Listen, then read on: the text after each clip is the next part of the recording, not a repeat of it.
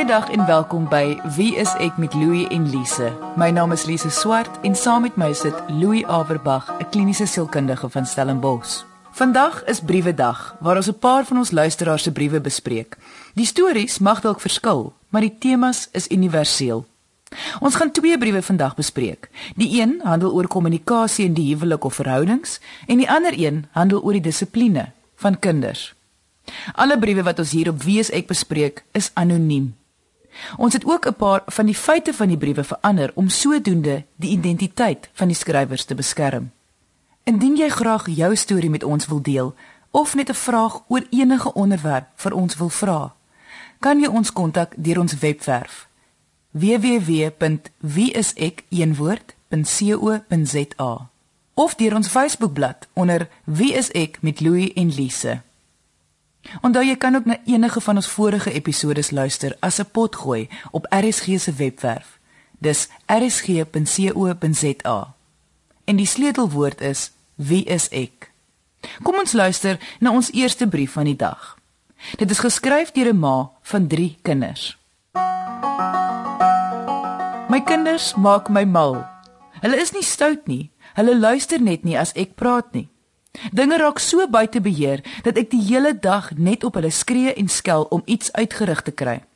Dis drie dogtertjies, 6 jaar, 4 jaar en 18 maande. Ek voel so buite beheer.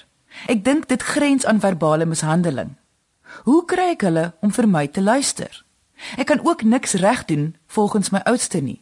Sy is bederf, maar dis my eie skuld. Sy is regtig met niks tevrede nie en ondankbaar. Is dit dalk dat ek nageboortelike depressie het? 18 maande na die tyd. Drie kinders is regtig 'n aanpassing. Party dae voel dit ek haat hulle omdat hulle net die slegte in my na vore bring.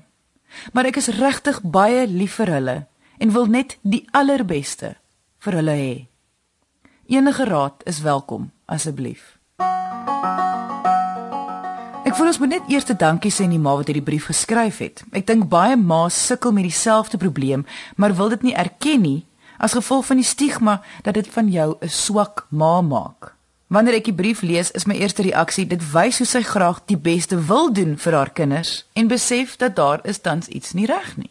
Ja, dit is baie duidelik dat sy besef hier's 'n probleem, nê. Nee. Wat sy doen werk nie. En ek dink dit is maklik om te praat van buitekant af, maar jy weet dis moeilik om 'n ma te wees van 3 kleuters. Mm. So laat ons maar nie vingers wys nie. Maar dit gaan duidelik dan nie werk soos wat dit op hierdie stadium aangaan nie. Net hierdie het 'n potensiaal om almal heeltemal gek te dryf. Maar ek dink tog ouers, meeste ouers, sukkel met hierdie ding. Nee, natuurlik. Daar is nie iets soos 'n modelouer nie. Dit is bewonderenswaardig dat die dame die brief skryf en sê maar luister man ek sukkel. Ek weet nie wat om te maak nie. Want ek weet nie of daar regtig ouers is wat altyd weet wat om te doen nie. Niemand weet dit outomaties nie. Kan dit moontlik nageboortelike depressie wees? Nee wat? Ek, ek dink sy klink definitief depressief. Mm. maar mens kan dit verstaan onder die omstandighede nee haar gou is amper uit. Mm. maar nee nageboortelike depressie is iets heel anders. Hierdie is 'n situasie waar sy moedeloos en radeloos is en wat sy nie weet wat maak ek met hierdie drie kinders nie. Nou sy sê nie in die brief op of daar 'n 'n vader betrokke is nie. So my eerste vraag sal natuurlik ook wees maar waar is pa dan as hy daar is? Uh ongelukkig weet ons nou nie of hy teenwoordig is of nie. So watse raad sal jy vir hierdie ma gee? Die probleem hier is is dat die ster die hond swaai en dat kinders van die ouderdom wat sy het, regtig baie jonk is, nie die pas kan of mag dikteer nie. Dis duidelik dat hulle in beheer is, nê. Nee. So die raad wat ek vra gee is om onmiddellik beheer te neem. En ek wil noem dat dit nie noodwendig op alle kinders van toepassing sal wees nie. En dat mens moet nou ook voorsiening maak vir 'n kind se ouderdom hierso. Mens baie versigtig wees. Maar die ding om te doen is om hier ferm in te gryp op die volgende manier.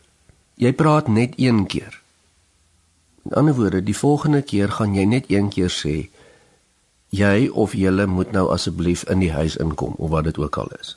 En as hulle dit nie doen nie, dan die volgende doen. Dan plaas jy die kind in sy of haar kamer of in die badkamer. Maak julle toe teen hulle sin. Dit is 'n time-out. Dis 'n tyd wat uitgeneem word teen hulle sin. Dis 'n straf.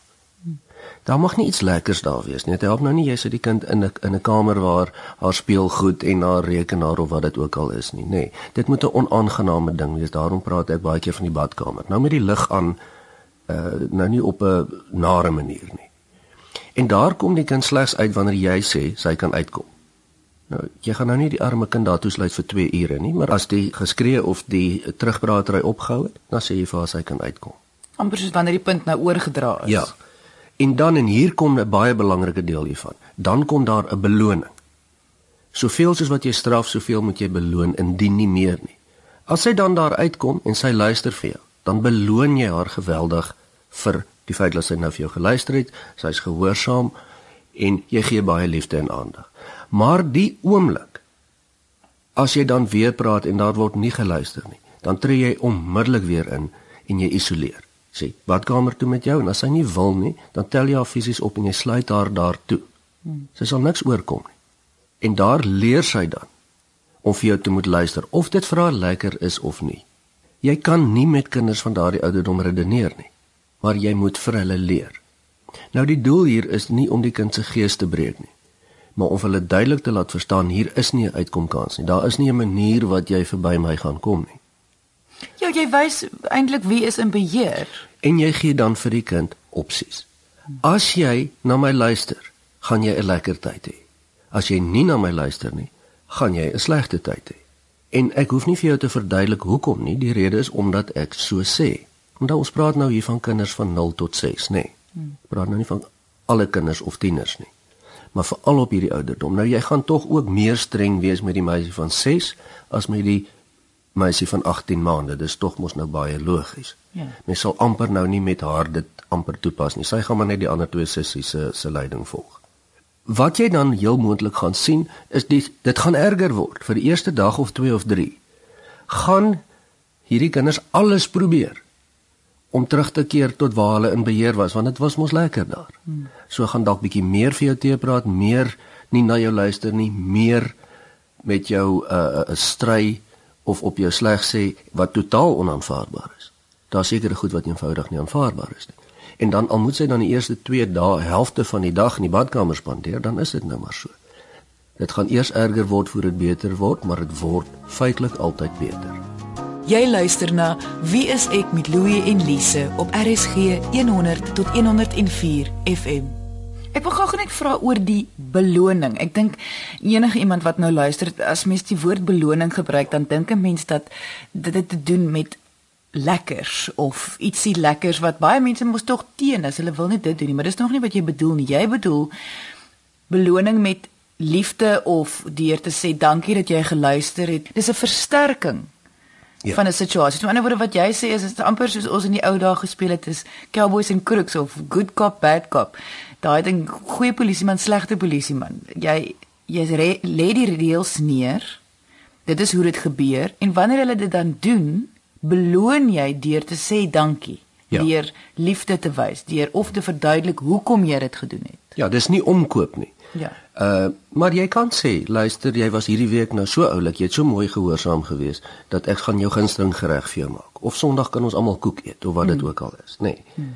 Uh maar meestal met aandag met liefde, jy wil nie 'n ou heks wees wat aanhoudend skree nie.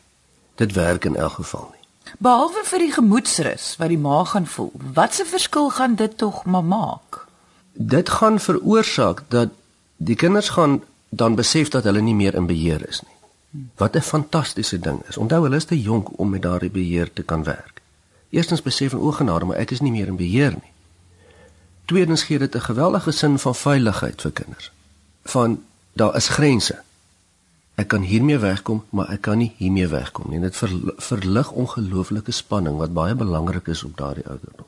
Dis belangrik dat kinders moet voel die ouers is in beheer. Die wêreld is veilig hier buitekant. Ek kan nie maak wat ek wil nie want hulle weet eintlik hulle het nie die vermoë nie. So verstaan ek jou reg, as jy sê grense is belangrik, is dit omdat kinders kan spanning ervaar as daar nie grense is nie. Absoluut.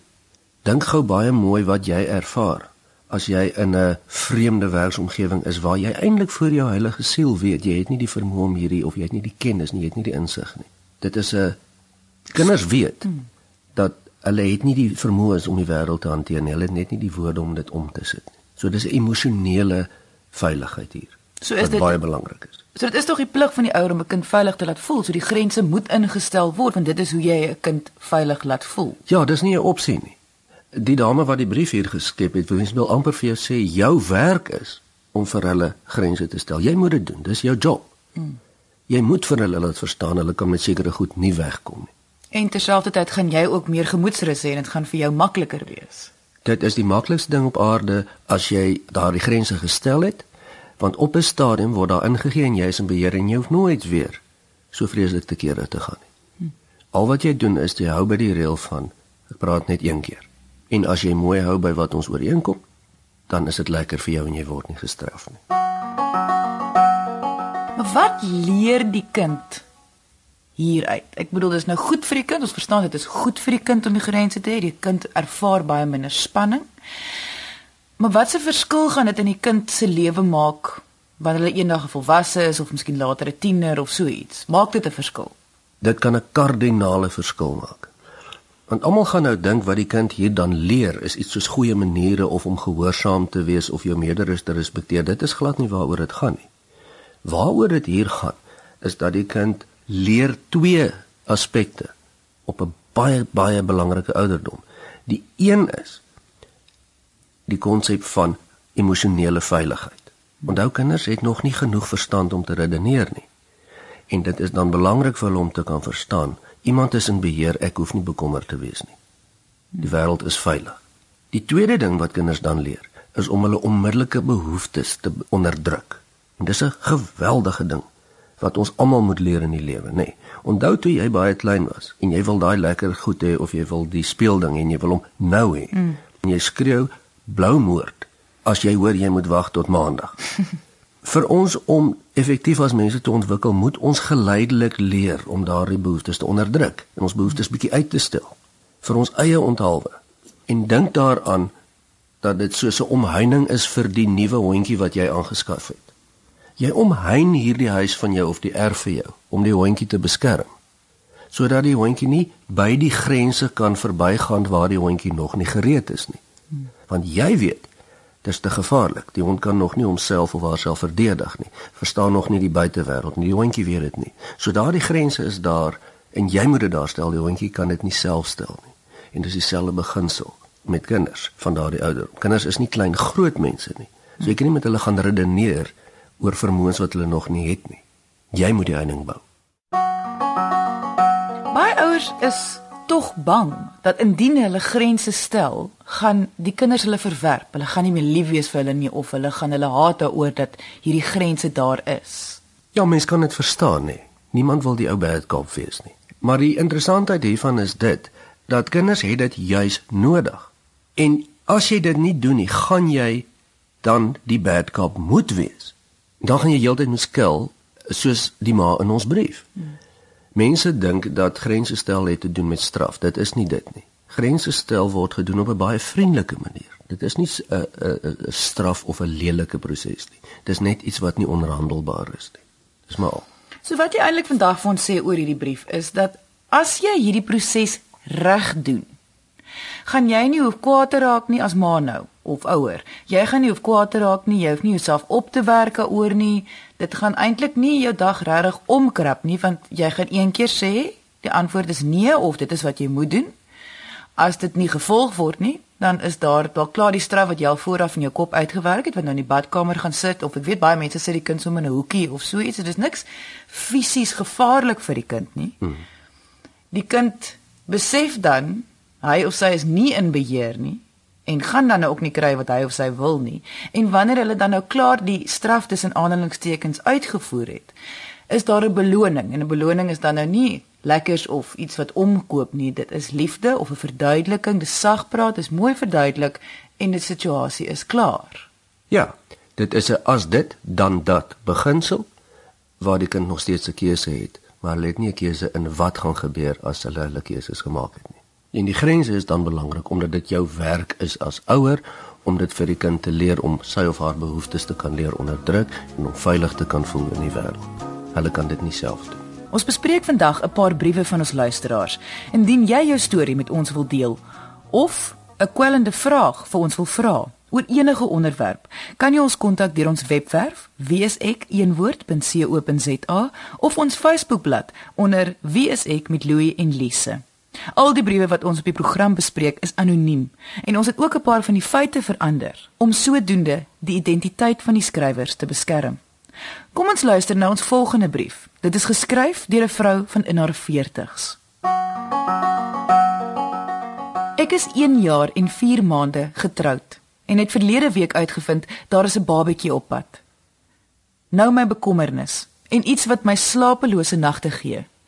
Ek het so 'n maand terug vir my man 'n brief gegee en gestipuleer wat daar is van hom wat my pla en gevra hy moet daaraan werk. Dit na ek al voorheen ook vir hom gevra het om aan 'n paar goedjies te werk. Mondelings en 'n vorige brief.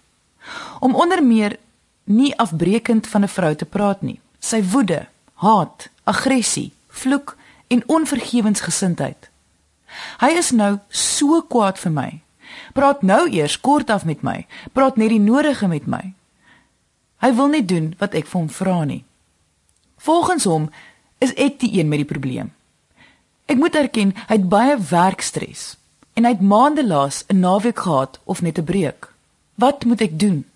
Ek dink aan die baba se welstand. Wat moet ek maak? Dit voel vir my ons kaarthuisie het in mekaar getuimel na my brief. Na ek vir hom gesê het ons moet iemand gaan sien, het hy blaatant gesê hy gaan sien niemand nie. So duidelik wil hy nie erken daar is 'n probleem nie. Ek weier om in 'n huis te bly wat mens die atmosfeer kan sny met 'n mes. Gaan dit ooit regkom? Wat moet ek maak asseblief? Ek is dalk voorbarig om sommer te sê wat ek sien hier verkeerd is, maar duidelik sukkel hierdie twee mense met kommunikasie.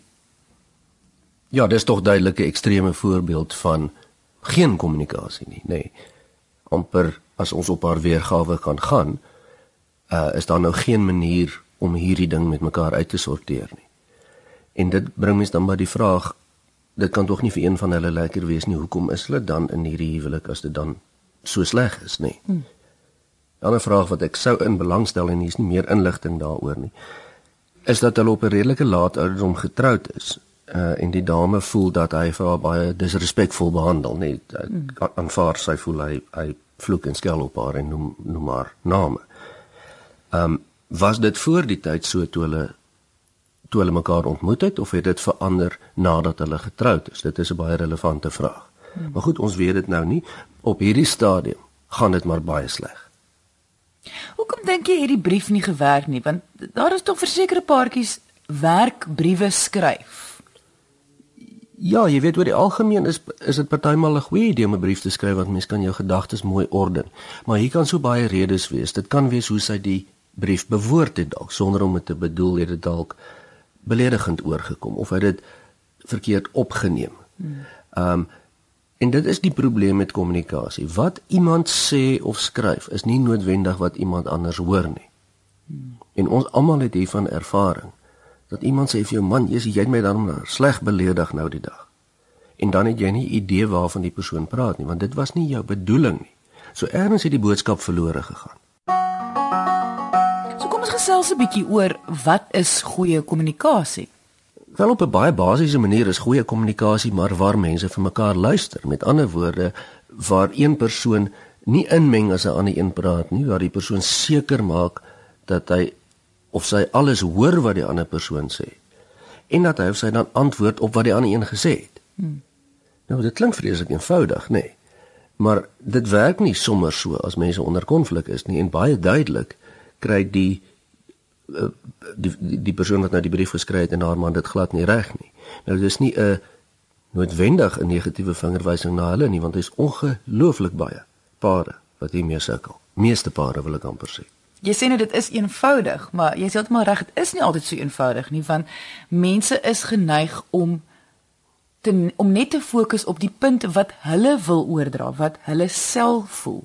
Mense vergeet Kommunikasie gaan oor luister na wat die ander persoon probeer sê en hooplik dit regte kan interpreteer en te probeer verstaan. En dan jou punt en hooplik gaan die ander persoon dieselfde agting vir jou gee. Ja, en dis 'n vaardigheid wat mens aanleer. Jy's nie outomaties daarmee toegerus nie, nê. Nee. Jy luister na Wie is ek met Louie en Lise op RSG 100 tot 104 FM. Maar om te sukkel om te kommunikeer is ook baie anders as om glad nie te wil kommunikeer nie. Dis twee verskillende dinge. En ek is nie seker in hierdie brief wil haar man glad nie met haar praat nie, met ander woorde weier hy volstryk op enige front of is dit dat hulle sukkel om met mekaar te praat nie? Vir my lyk dit hy wil nie met haar praat nie. Dit lyk vir my ook so. So wat sou jy sê moet sy dan doen? Hoe hoe kry hoe forceer 'n mens amper wil jy sê iemand om te praat met jou? Sien op 'n stadium kan jy iemand nie meer forceer nie. So mense sou sê probeer alles wat jy kan op 'n mooi manier. Hmm. Sonder om te oordeel, sonder om vinger te wys, vra mooi, sal jy asseblief met my praat? Hmm. En ek verstaan dis nou min of meer al wat sy gedoen het. Nou as dit nie werk nie, probeer iets anders.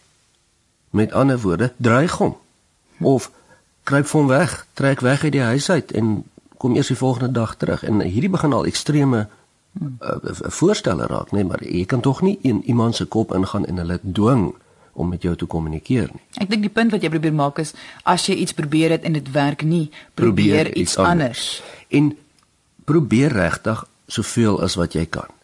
En probeer natuurlik altyd die eerste keer die mooi manier. Hmm. Nee, dreig en skel help nie, dit weet ons al. As jy dan alles probeer het en na 2-3 maande wil hy nog steeds nie met jou praat nie, hy weier eenvoudig. Dan moet jy 'n besluit maak. Of jy aanvaar dit so want jy kan nie iemand dwing om te kommunikeer nie, of jy moet jou keuses maak. 'n Derde party. Hoeveel hulp kan dit wees? Gewoonlik help dit baie. Dis gewoonlik jou beste opsie. Die rede daarvoor gaan juis oor hierdie kommunikasie ding. 'n Derde party is by uitstek baie beter om 'n gesprek te fasiliteer waar mense nou nie kwaad raak vir mekaar en mekaar blameer en weer maar dieselfde ding oor en oor doen nie. Hmm. Dis die voordeel van 'n derde party, maar weer eens albei mense moet bereid wees daartoe, anders kan 'n derde party niks doen nie. So as die persoon nie wil kommunikeer in die eerste plek nie, ook nie wil 'n derde persoon betrokke kry nie en jy het dan nou al alles probeer, dan is dit soos jy sê, dan lê daar 'n groot keuse voor, maar wat my nogal bekommer van hierdie brief is, sy sê sy is swanger. En ons almal weet teen die tyd as 'n baba ook in die prentjie kom, gaan dit definitief nie makliker wees nie. Dit gaan intedeel moeiliker wees. Kinders ja. vir, vir kinders maak verhoudings al klaar moeilik, selfs goeie verhoudings, gelukkige verhoudings. So mense sal absoluut voorstel dat sy hierdie kommunikasieprobleem of die probleem so gou as moontlik moet uitsorteer. Ja, ek sien hierdie as 'n krisis en dit skep 'n donker prentjie vir die toekoms, nê. Nee, hulle is nog maar net 'n jaar en 4 maande getroud. Nou ek sê nie dis sy skuld of haar skuld nie, maar hulle as 'n egpaar kry nie hierdie ding opgelos nie. Hierdie is baie ernstig. Ek dink dit bring hulle verhouding op 'n kruispunt. Hmm. As hulle hierdie ding nie uitsorteer nie, sien ek nie veel lig nie. Maar dit kan uitgesorteer word. Dit kan as albei wil. Hulle hoef nie te weet hoe nie, maar as albei wil, kan dit.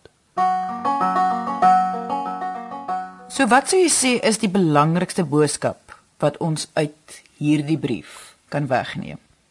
Ek dink wat ons hier sien is dat as een van twee partye in 'n verhouding volstrek weier om saam met jou probleme op te los of of te kommunikeer of saam 'n plan te maak En jy het nou al alles probeer.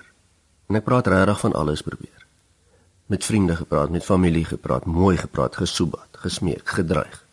En die persoon wil dan nog steeds nie. Dan het jy net een van twee besluite. Of jy aanvaar dit of jy maak jou keuses en jy gaan uit die verhouding uit. Ons aan die einde van vandag se episode gekom. Onthou jy kan ons kontak deur ons webwerf wieisek.co.za of ons Facebookblad onder wieisek met Louie en Lise. Indien jy enige van ons vorige episode wil luister, kan jy dit luister as 'n potgooi op RSG se webwerf. Dit is rsg.co.za. Die sleutelwoord is wieisek. Baie dankie dat jy vandag ingeskakel het. Ons maak weer so volgende Vrydag net na 12 hier op RSG. Jy moet 'n heerlike naweek hê he, en onthou, kyk mooi na jouself. Bye.